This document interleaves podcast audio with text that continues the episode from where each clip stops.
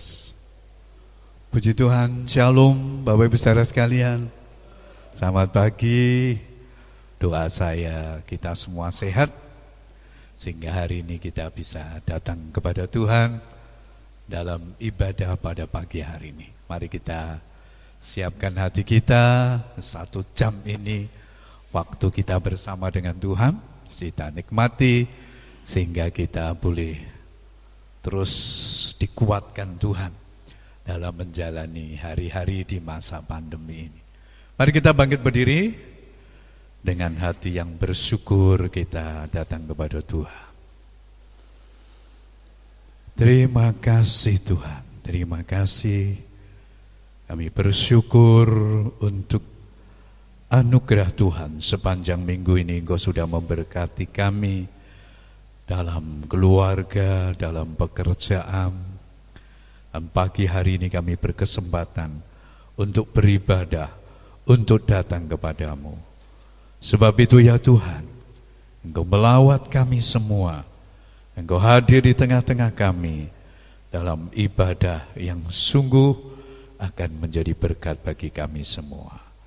Terima kasih Tuhan Yesus. Pertolongan dalam ibadah kita pada pagi hari ini. Pertolongan itu datangnya daripada Tuhan, Allah pencipta langit dan bumi beserta dengan isinya. Allah yang menaruh setia, Allah yang tidak pernah meninggalkan segala perbuatan tangannya. Oleh sebab itu turunlah atas saudara sekalian, anugerah dan sejahtera dari Allah Bapa di dalam Tuhan kita Yesus Kristus yang menyertai ibadah kita dari permulaan sampai pada akhirnya Haleluya. Amin. Silakan Bapak Ibu duduk kembali. Shalom. Selamat pagi. Boleh lambaikan tangannya. Shalom. Shalom. Semua sehat. Amin. Puji Tuhan. Kita sadar bahwa kita ada sampai hari ini itu bukan karena kuat gagah hebat kita tapi kita tahu hidup kita hanya oleh karena anugerah. Hidup kita karena kasih karunia dan kebaikan Tuhan saja. Maka selayaknya ketika kita datang pada pagi hari ini, kita membawa ucapan syukur kita melalui pujian, melalui penyembahan, melalui pengagungan kita kepada Dia. Hari-hari ini kabar-kabar yang terus yang membuat orang menjadi takut tentang COVID yang dibicarakan selalu COVID, COVID, COVID, COVID. Tapi kita sebagai anak-anak Allah, kita tidak usah bicarakan itu. Kita mau berbicara tentang kebesaran dan kebaikan Tuhan. Amin. Karena Yesus yanglah jauh lebih besar dari segala apa pun yang terjadi dalam dunia ini. Bapak Ibu siap untuk menyembah Tuhan? Berapa yang siap boleh melambaikan tanganmu di hadapannya? Mari datang kepada dia. Bapak kami datang kepadamu pagi hari ini. Ini hidup kami, ini hati kami.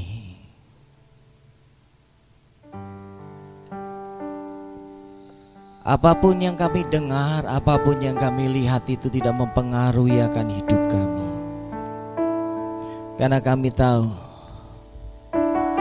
Engkau Tuhan yang jauh lebih besar di dalam kami dari roh apa pun yang ada dalam dunia ini. Dan ketika kami menghadapi hari-hari kami, kami tidak pernah sendiri. Engkau selalu ada bersama dengan kami. Engkau ada di dalam hidup kami. Biar pagi hari ini hati kami, mata kami hanya terarah hanya kepadamu saja. Kami mau mengagungkan Engkau kami mau meninggikan Engkau. Terima kasih Tuhan. Kami buka hati kami. Silakan Roh Kudus. Engkau melawat setiap kami. Bawa kami masuk dalam sungai air kehidupan yang daripadamu. Syakatakaya ralabataka syakatakaya.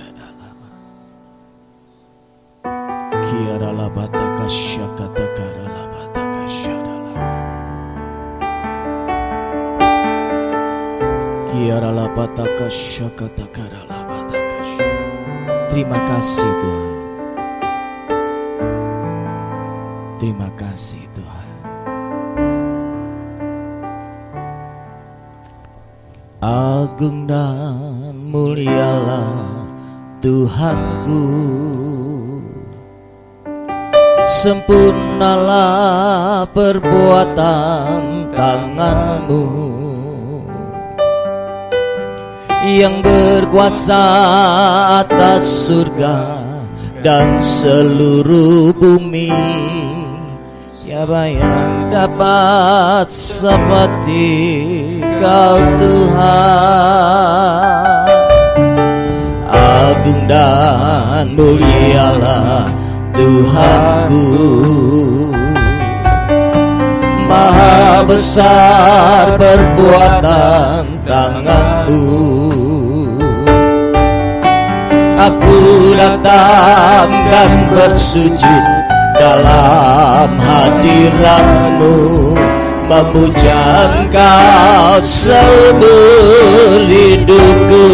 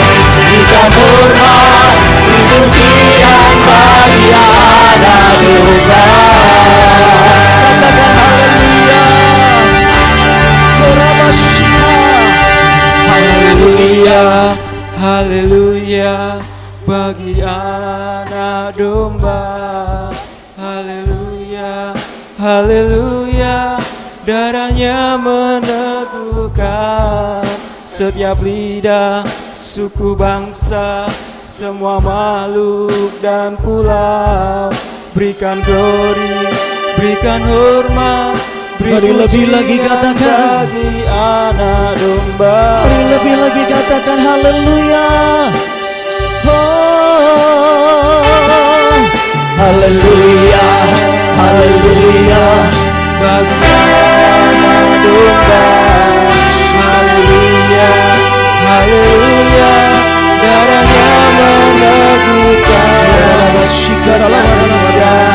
Suku bangsa Semua makhluk dan pulau Berikan glory berikan hormat, bagi anak domba.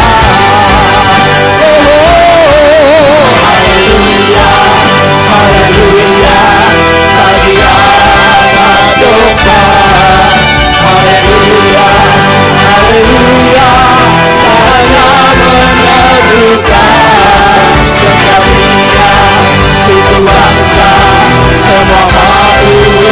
makhluk dan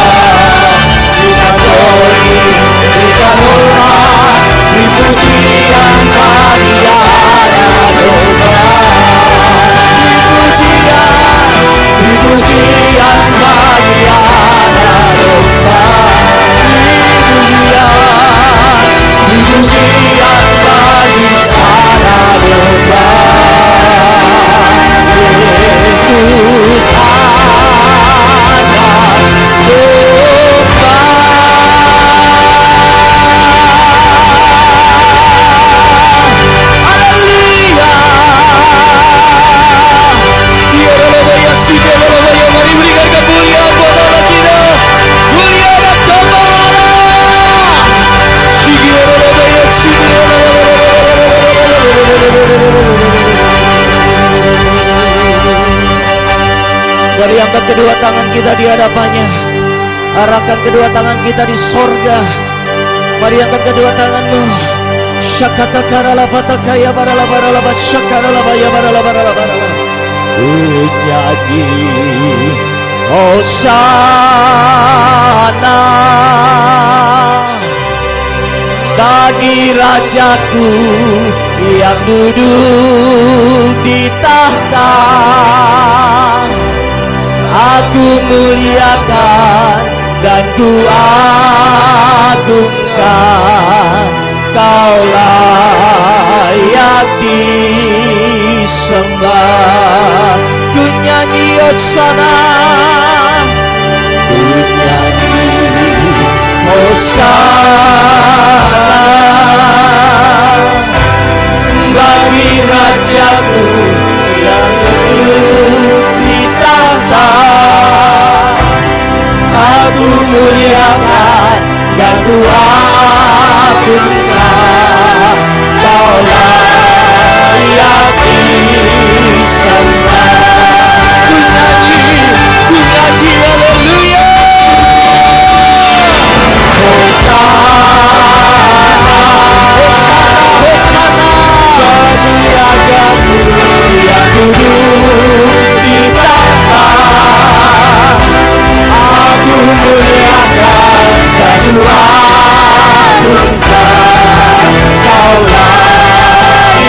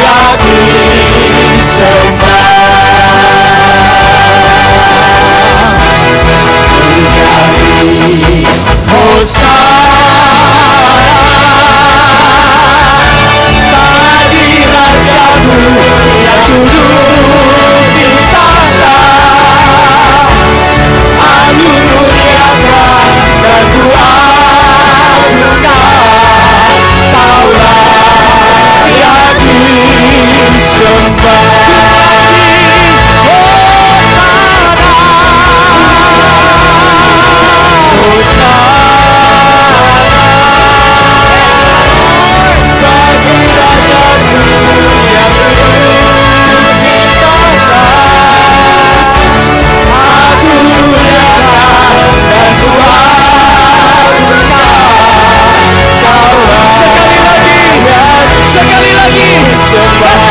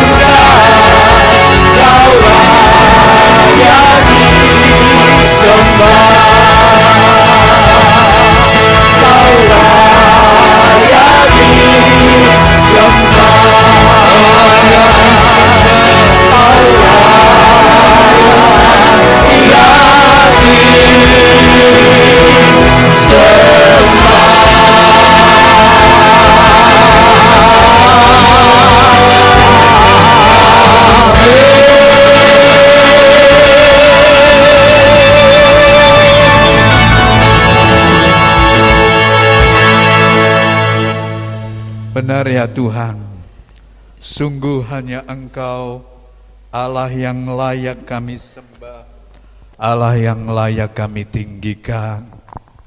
Dan itulah yang menjadi kerinduan kami Tuhan. Untuk selalu dekat kepadamu. Karena Engkau sungguh menjadi sumber kekuatan dan pertolongan kami dalam menjalani hari-hari ini. Terima kasih Tuhan untuk sejumlah pujian yang menguatkan kami, yang membawa kami untuk merasakan bahwa kami rindukan hadiratmu selalu dalam hidup kami, yang meneguhkan kami, yang menguatkan kami. Karena hanya dekat Allah saja kami tenang di tengah-tengah kehidupan yang mengancam kami, di tengah-tengah kehidupan yang membuat kami khawatir, yang membuat kami takut. Tetapi ketika kami mendekat kepadamu, di situ kami menemukan kekuatan yang baru untuk terus kami menatap ke depan bersama dengan Tuhan. Kami tidak takut dan khawatir terhadap apa pun yang terjadi dalam dunia ini. Karena engkau yang berjanji menyertai kami sampai kesudahan zaman. Terima kasih Tuhan. Berkati sebentar kami akan membaca dan merenungkan firman-Mu. Roh Kudus menolong hambamu supaya dapat menyampaikan isi hati Tuhan melalui firman-Mu pada pagi hari ini. Di dalam nama Tuhan Yesus kami berdoa dan menyambut firman-Mu. Semua yang siap diberkati firman Tuhan berkata, Amin. Puji Tuhan, silakan duduk Bapak Saudara sekalian.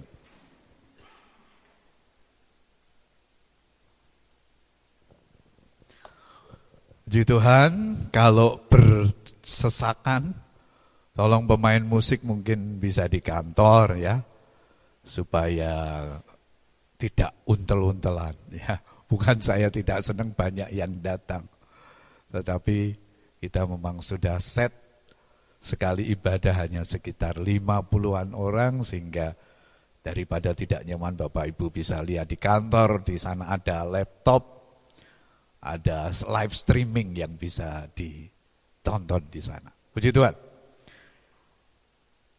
Kita bersyukur kepada Tuhan hari ini masih diberikan kesempatan untuk beribadah, diberikan kesempatan untuk datang kepada Tuhan. Dan biarlah setiap menit, setiap detik kita nikmati sebagai sesuatu yang berharga karena Tuhan yang selalu ada bersama di dalam kehidupan kita. Puji Tuhan, pagi hari ini saya ingin mengajak Bapak Ibu saudara sekalian membaca Alkitab kita di dalam Wahyu pasal yang kedua ayat 8 sampai dengan yang ke-11.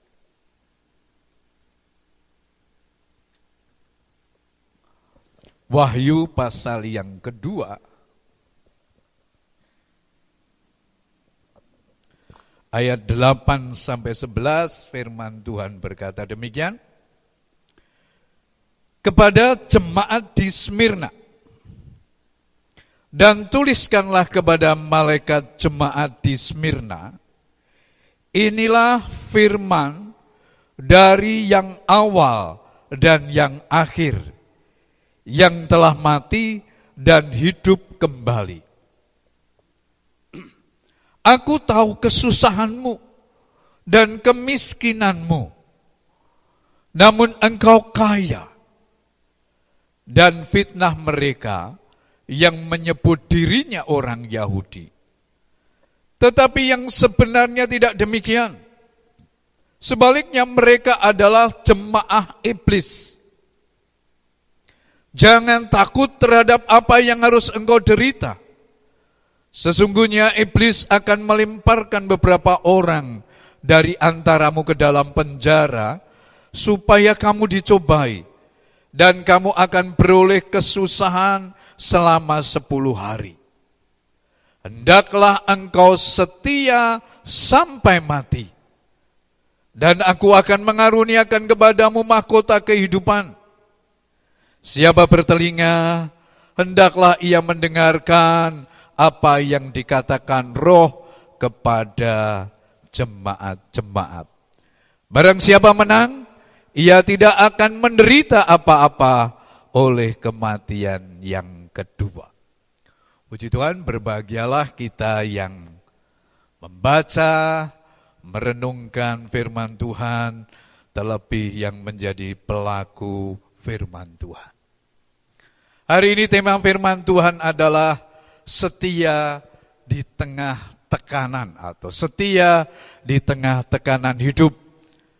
Bapak Ibu Saudara sekalian, ketika saya merenungkan kitab Wahyu ini, saya berkesimpulan secara pribadi ya, bahwa surat kepada ketujuh jemaat ini menjadi representasi atau kehadiran gereja di masa sekarang ini menjadi alat uji seperti apakah gereja di akhir zaman sekarang ini atau di masa pandemi ini. Kalau surat-surat ini disampaikan kepada ketujuh jemaat yang merupakan wahyu penglihatan daripada Rasul Yohanes di Pulau Patmos yang merupakan surat ditujukan kepada ketujuh jemaat pada waktu itu sekarang ini menjadi perenungan bagi kita, bagi gereja Tuhan, baik secara organisasi maupun secara organisme. Ya. Gereja secara organisasi itu apa ya? GKI, GIA, GBT, GBD itu organisasi ya. Tetapi gereja secara organisme itu Bapak Ibu dan saya ini. Gereja yang hidup Gereja yang real, yang nyata ada di tengah-tengah dunia ini, kita sedang hidup di masa yang tidak mudah, di masa pandemi ini. Dan surat kepada ketujuh jemaat itu akan kita belajar bersama-sama.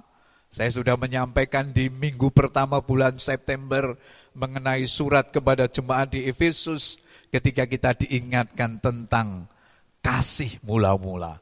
Dan hari ini kita akan belajar bagaimana surat kepada jemaat di Smyrna ini tentang setia di tengah tekanan kehidupan. Bapak Ibu Saudara sekalian yang dikasih Tuhan, pada tahun 88 Masehi ketika Kaisar Domitianus menjadi kaisar di Roma, dia membuat keputusan supaya dia diperlakukan oleh diperlakukan sebagai Tuhan. Karena itu kaisar minta, kaisar Domitianus minta supaya setiap warga negara Roma harus menyembahnya sebagai dewa atau Tuhan.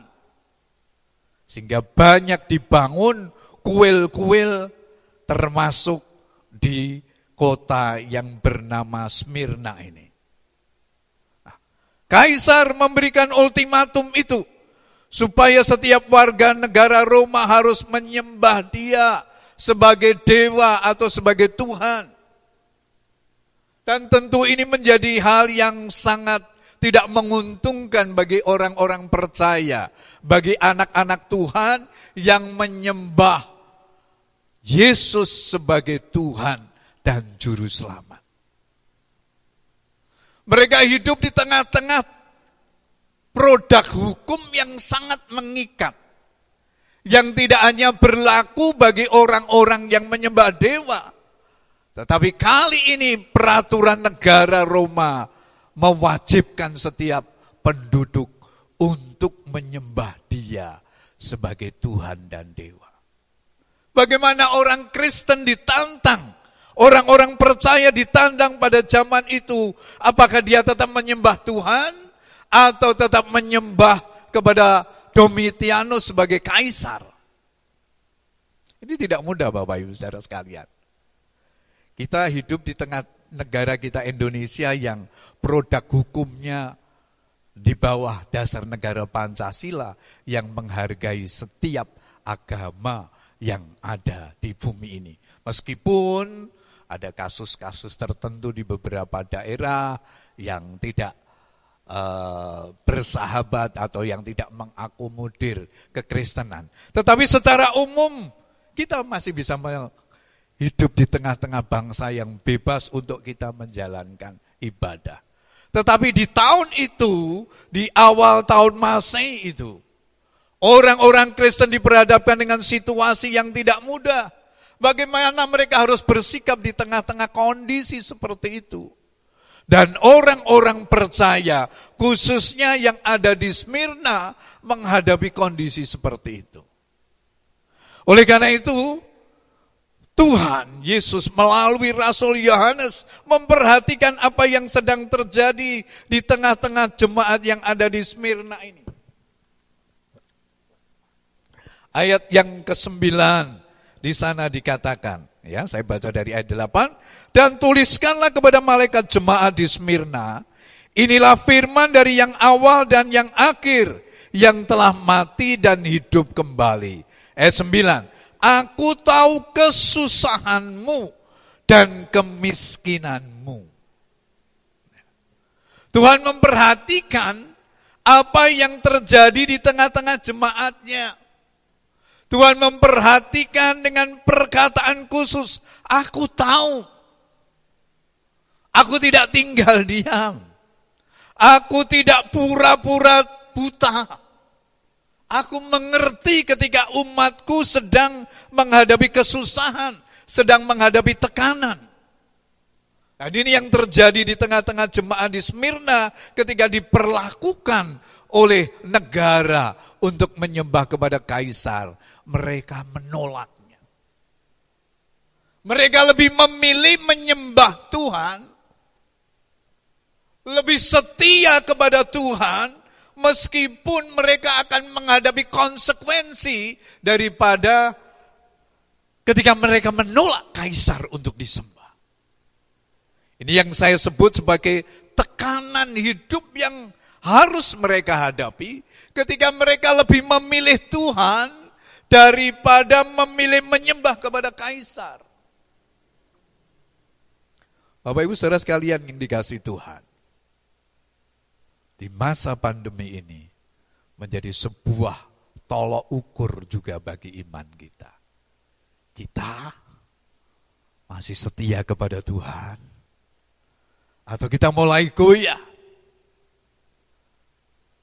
Di setiap tantangan terhadap kekristenan sepanjang sejarah gereja selalu dijumpai persoalan demi persoalan yang berbeda saja tekanannya. Pilihan apa yang Bapak Ibu Saudara sekalian ambil? Pilihan apa yang orang-orang Kristen ambil ketika menghadapi tekanan? Pilihan yang pertama menolak. Seperti jemaat di Smyrna ini. Dan ada konsekuensi yang harus mereka hadapi. Pilihan yang kedua, pura-pura mengikuti produk hukum. Ah, jadi dia mendua hati di sana. Yang menyembah kaisar, yang menyembah Tuhan. Ini akan lebih aman bagi mereka.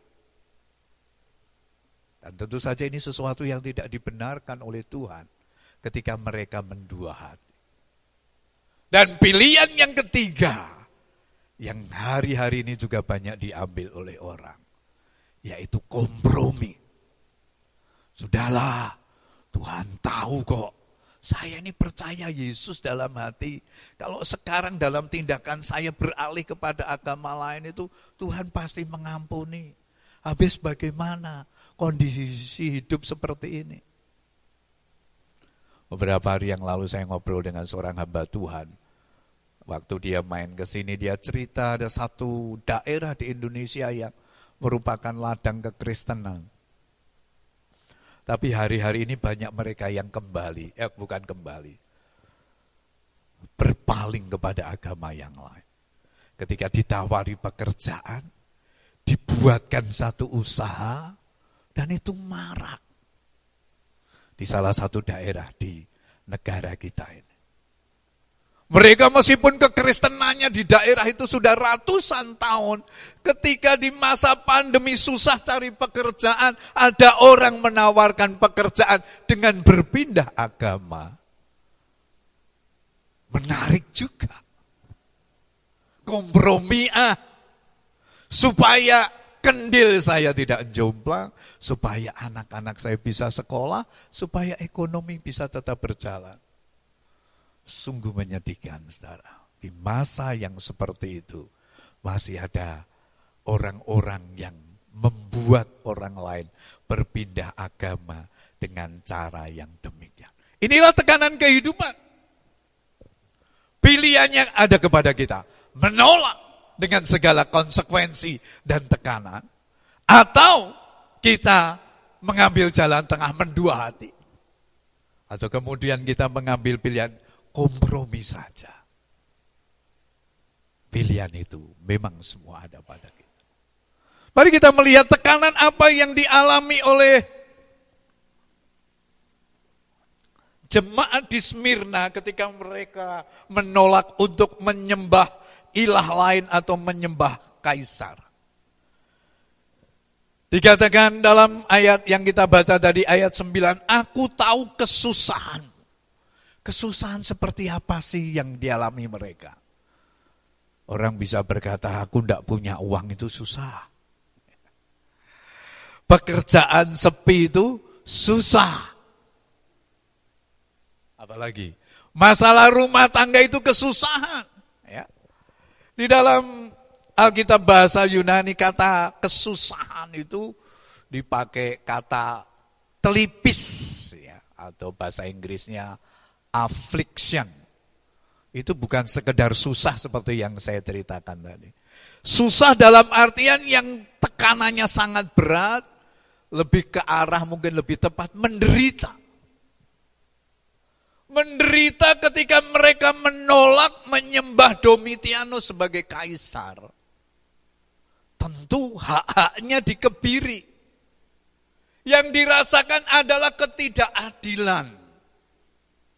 Seperti kalau Bapak Ibu memperhatikan orang yang tinggal uh, sebagai minoritas dalam kelompok mayoritas beragama yang lain. Itu hak-haknya akan dikebiri.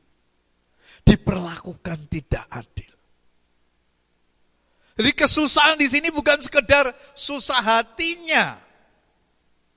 Tetapi lebih ke arah penderitaan yang dialami itu sungguh sangat berat.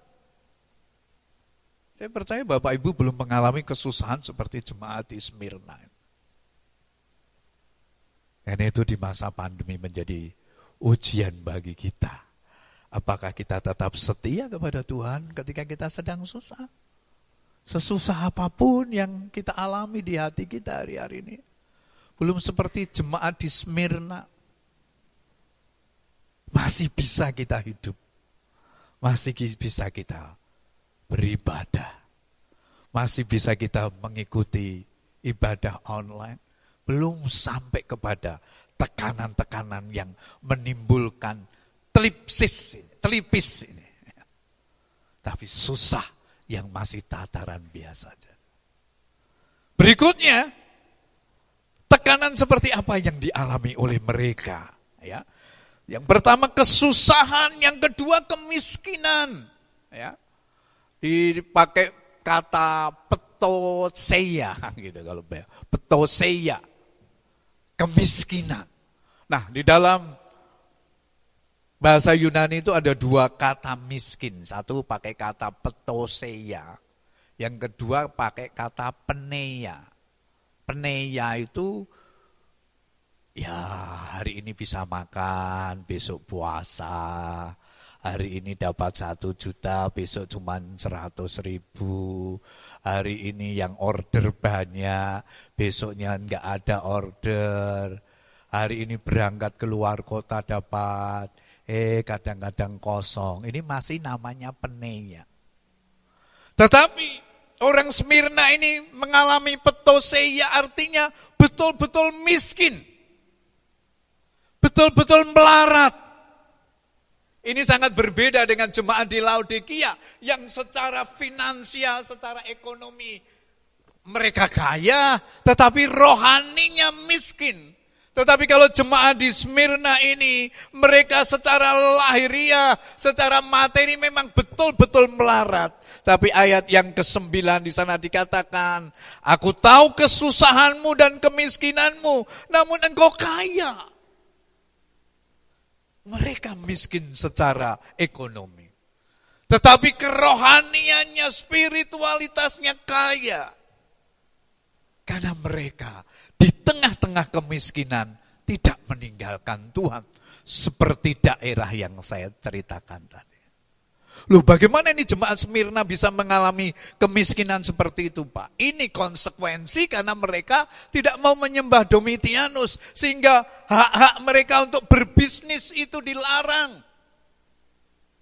Padahal dikatakan kota Smyrna ini pada waktu itu adalah kota yang kaya.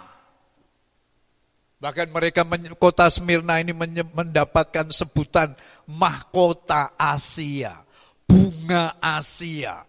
Artinya kota seperti kota-kota perdagangan lain di Asia kecil seperti Efesus, Laodikia itu kan kota-kota di pinggir pelabuhan kayak Semarang, Surabaya, Medan yang dan kota-kota lain di pinggir pelabuhan yang sangat maju. Jadi banyak saudagar, banyak pebisnis, pebisnis, pebisnis pada waktu itu, tetapi pebisnis Kristen dimatikan. Karena apa? Karena kamu tidak menyembah kepada Domitianus. Kamu harus mengalami. Bapak Ibu Saudara sekalian ini tekanan yang tidak mudah. Banyak orang kuat di dalam Tuhan. Tapi kalau sudah diserang ekonomi, biasanya oleng. Tuhan mengingatkan kita hari ini.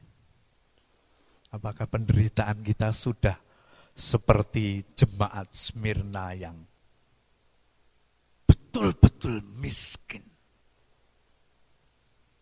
Mari tetap kuat.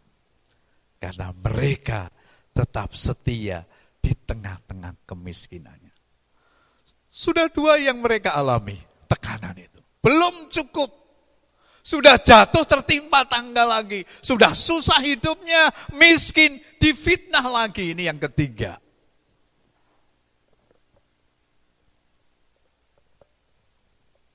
Siapa yang memfitnah, saudara? Yang memfitnah adalah orang-orang Yahudi yang tidak suka dengan kekristenan. Yang dikatakan oleh Tuhan dalam ayat yang ke-9 tadi, mereka adalah jemaah iblis sesama orang Yahudi, tetapi yang percaya Yesus dan tidak, yang tidak ini memfitnah orang Kristen. Disebarkan isu, orang Kristen itu kanibal. Mereka suka perjamuan suci, makan daging dan darah. Padahal itu kan hanya perlambang. Tetapi diisukan seperti itu, mereka betul-betul minum darah. Mereka kanibal, makan daging. Mereka tidak mau menyembah kaisar sebagai Tuhan, sebagai dewa. Dan itu didengungkan di sekitar mereka. Fitnah itu ada di sekitar mereka. Bapak ibu saudara sekalian di fitnah itu nggak enak loh. Orang berkata fitnah itu lebih kejam dari pembunuhan. Nama baiknya di istilahnya dicemarkan. Makanya kan pada zaman sekarang ini ada produk hukum yang dibuat oleh pemerintah pencemaran nama baik itu bisa dikenakan hukuman. Tapi pada zaman itu belum ada. Tapi kalau zaman sekarang mungkin bisa protes kepada, dilaporkan polisi atau dilaporkan kepada aparat hukum bisa dikenakan itu. Tetapi pada waktu itu tidak. Sudah susah, Kondisi ekonominya miskin melarat, difitnah lagi. Mereka menghadapi tekanan yang sangat berat. Sampai di titik atau level yang ketiga ini, masih kuatkah mereka menjadi orang percaya? Saya nggak tahu kalau saudara sudah ada di level tekanan hidup seperti itu, apa yang akan kita lakukan di persimpangan jalan?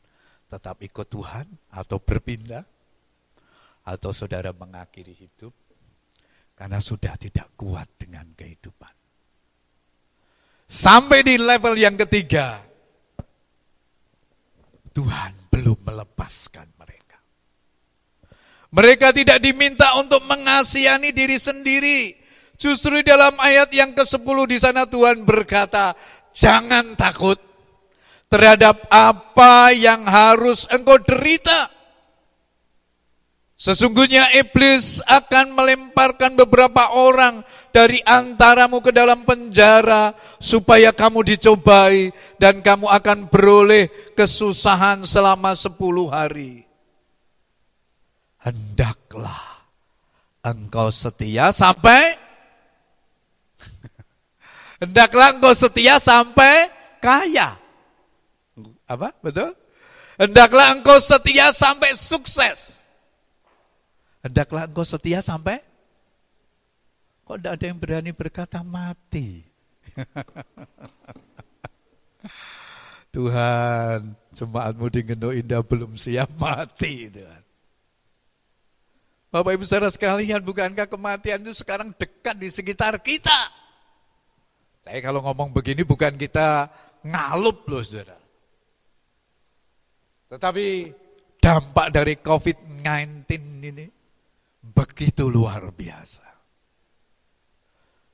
Mau tidak mau kita harus siap ke sana. Kita tidak minta, tidak. Tetapi kalau kita ready, Bapak Ibu akan tahu ke mana ketika dipanggil Tuhan.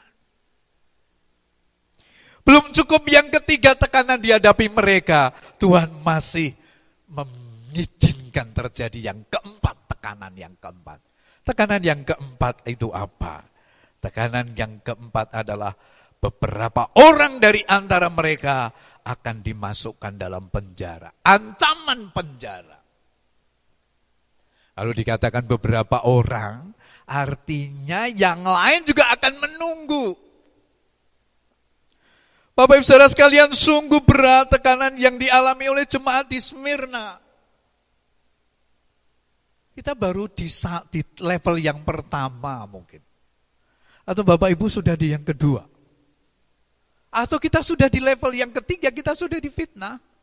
Kita tetapi kita belum sampai kepada yang keempat. Ancaman penjara. Tetapi sampai di sana pun Tuhan berkata, jangan.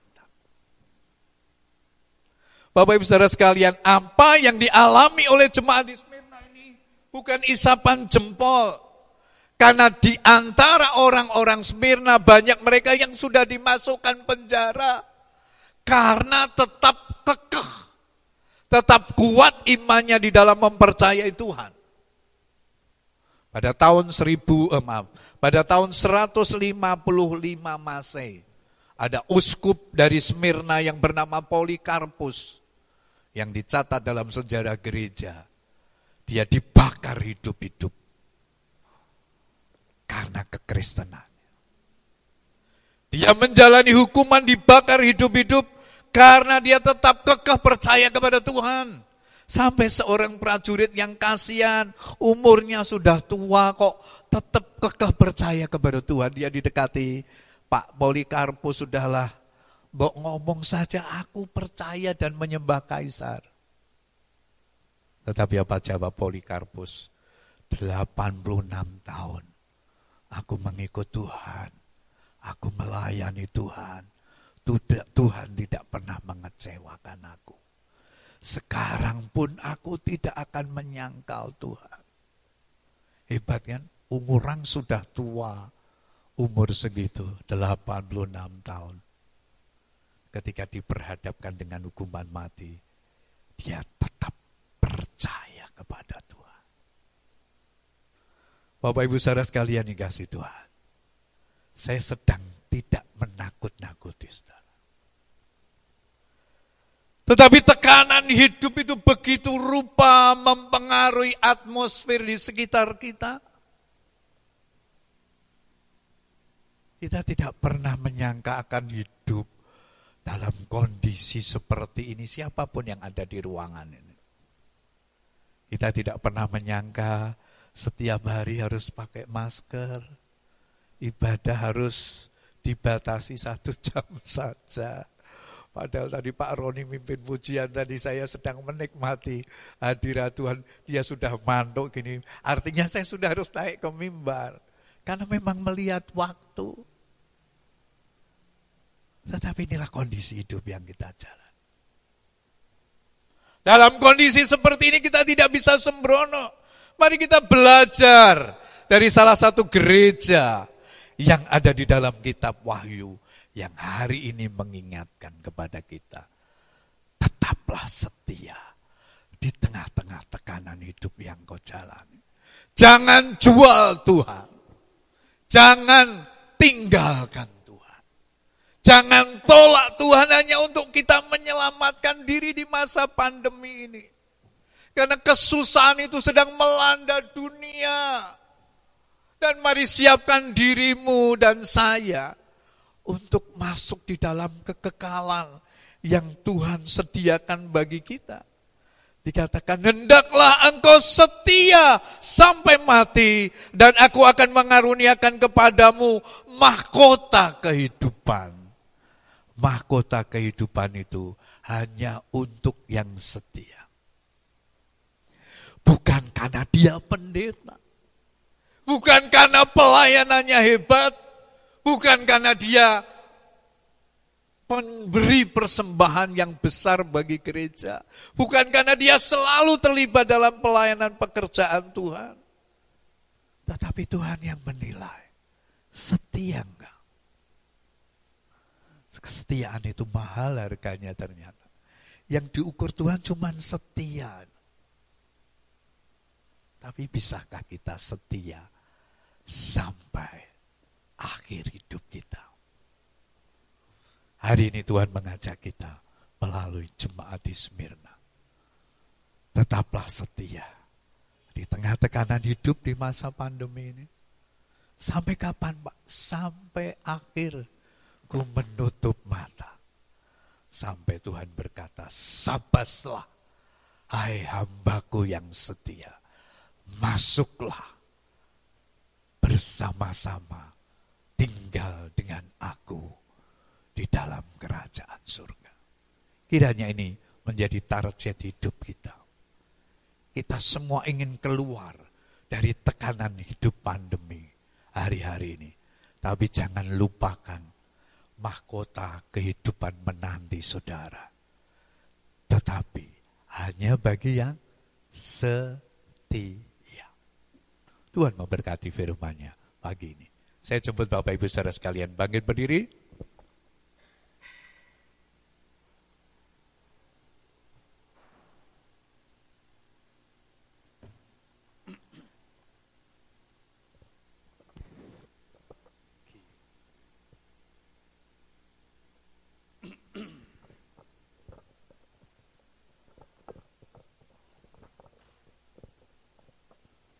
Mari kita tundukkan kepala kita datang kepada Tuhan.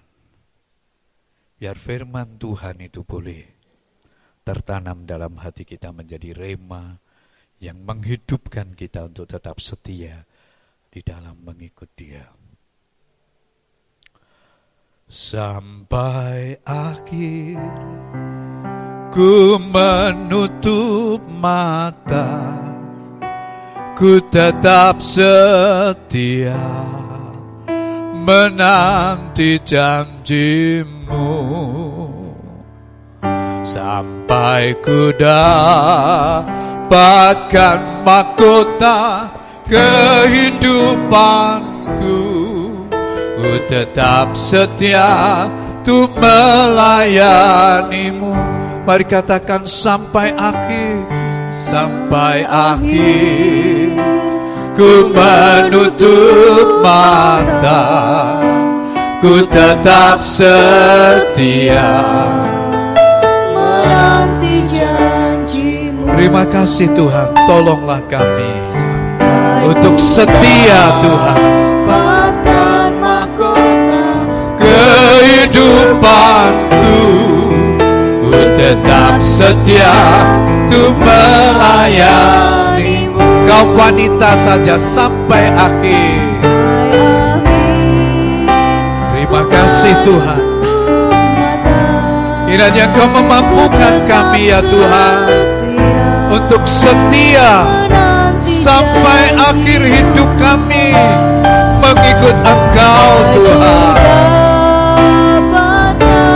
Ya Kami rindukan mahkota surgawi atas kami Kau pria Nyanyikan pujian ini Sampai akhir. Ku menutup mata. Tuhan Inilah kerinduan kami. Kami mau tetap setia Sampai akhir hidup kami. Dapatkan mahkota kehidupanmu setia Ku melayani Mari sekali lagi kita mengangkat tangan di hadapan Tuhan. Tapi ku menutup mata. Tuhan ini pengakuan kami. Kami tetap setia Menantikan janjimu. Sampai ku dapatkan mahkota kehidupanku setia Untuk melayani Ku tetap setia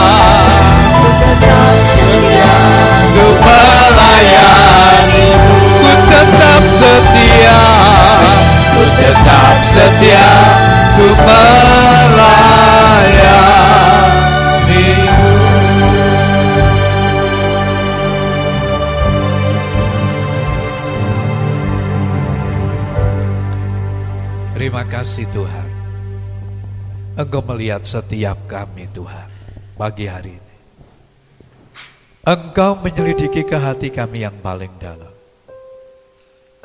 Adakah kami masih setia kepadamu sampai pagi hari ini? Adakah di antara kami yang sudah mulai undur dari hadapanmu Tuhan? Atau adakah kami yang ada di persimpangan jalan? Karena untuk setia kepadamu ternyata tidak mudah. Ataukah ada di antara kami yang sudah merancangkan untuk meninggalkan Tuhan? Mau berhenti melayani Engkau? Mau berhenti jadi orang percaya? Karena kesulitan pandemi ini begitu besar. Mari Roh Kudus, lawatlah setiap anak-anakmu yang ada di ruangan ini. Tuhan, kuatkan mereka. Tuhan, pegang erat tangan mereka. Tuhan, peluk mereka yang sudah tidak berdaya lagi menjalani hidup ini. Kami tahu bersama Tuhan kami akan cakap menanggung segala perkara. Kami akan bertahan di dalam tekanan karena Yesus yang selalu memberikan kekuatan kepada kami. Terima kasih Tuhan. Kami mau jadi seperti jemaat di Smyrna yang tetap setia sampai akhir hidup. Karena kami merindukan mahkota surgawi itu dipakaikan Tuhan di kepala kami. Mampukan kami ya Tuhan. Roh Kudus, peganglah kami setiap hari. Dalam realita hidup, di tengah pekerjaan, di tengah-tengah keluarga, di tengah-tengah pergaulan dan di tengah pelayanan. Biar kami tetap setia mengiring Engkau. Terima kasih Tuhan. Hambamu berhenti berbicara. Engkau yang memeteraikan firman-Mu di dalam hidup kami. Di dalam nama Tuhan Yesus. Kami berdoa. Amin. Silakan duduk Bapak Ibu Saudara sekalian. Puji Tuhan, saya ingin menyampaikan beberapa pengumuman gereja. Dukung terus dalam doa. Ya, hari ini akan ada kerja bakti lagi. supaya bapak-bapak sehat dan kuat itu doa saya. Saya hanya bisa mendampingi, mendoakan, menguatkan ya. Bapak-bapak begitu bersemangat supaya jalan kita di Blok F ini bisa selesai dengan baik. Terima kasih dukungan persembahan Bapak Ibu, doa sehingga hampir mencukupkan kurang dikit saja gitu ya.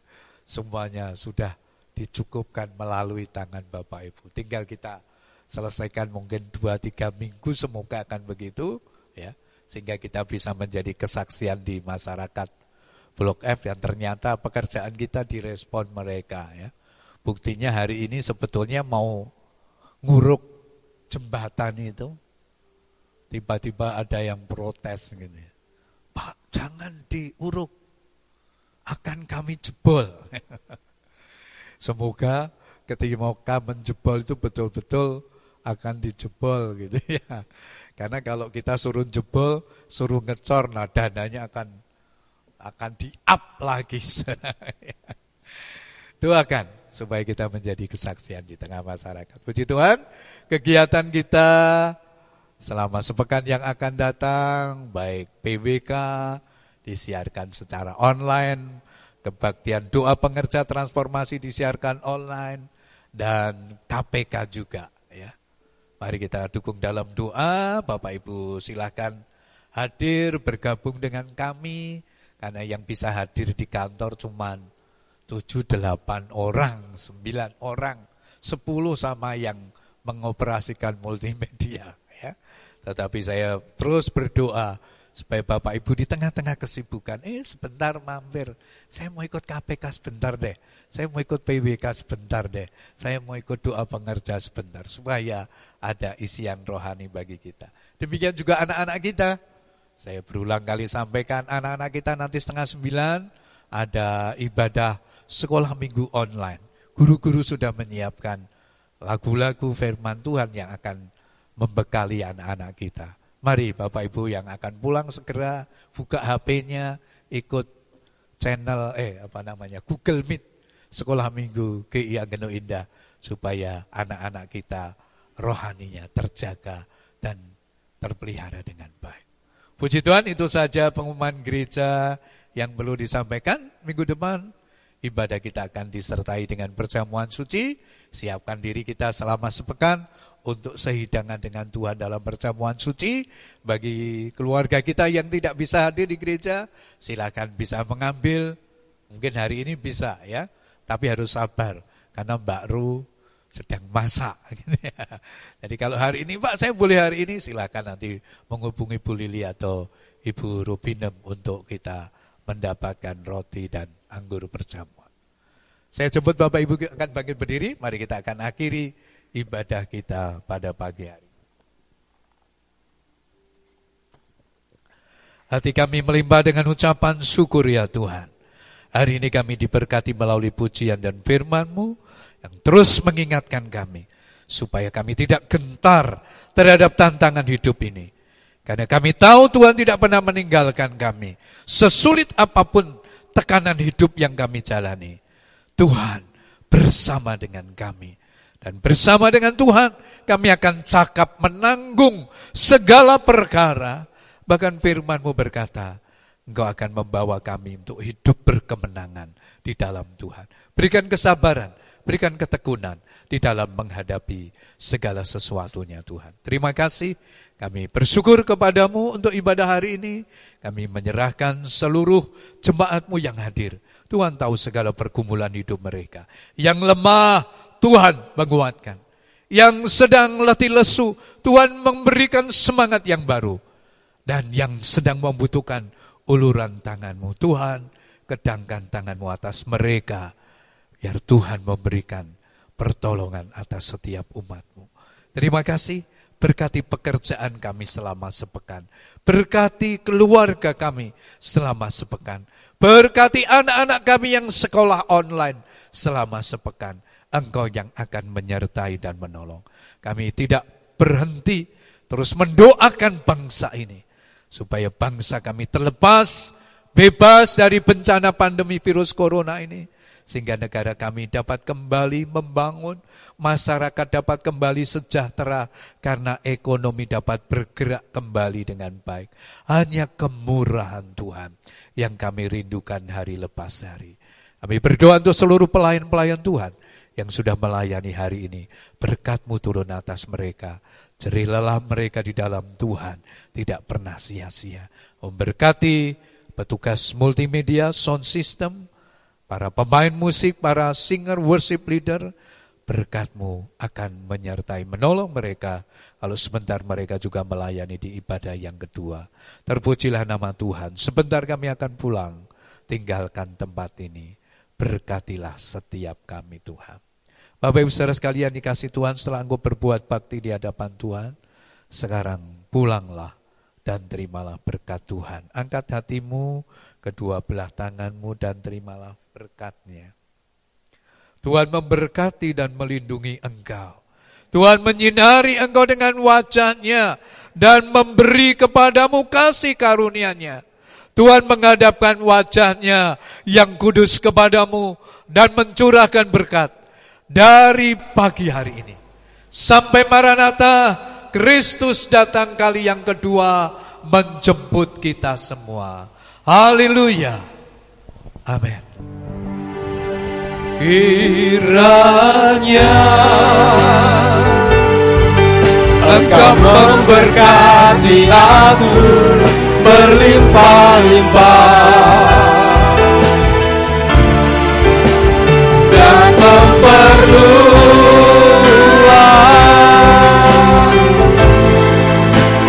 daerahku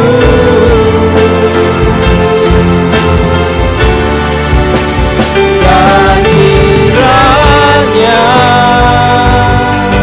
tanganmu menyertai aku dan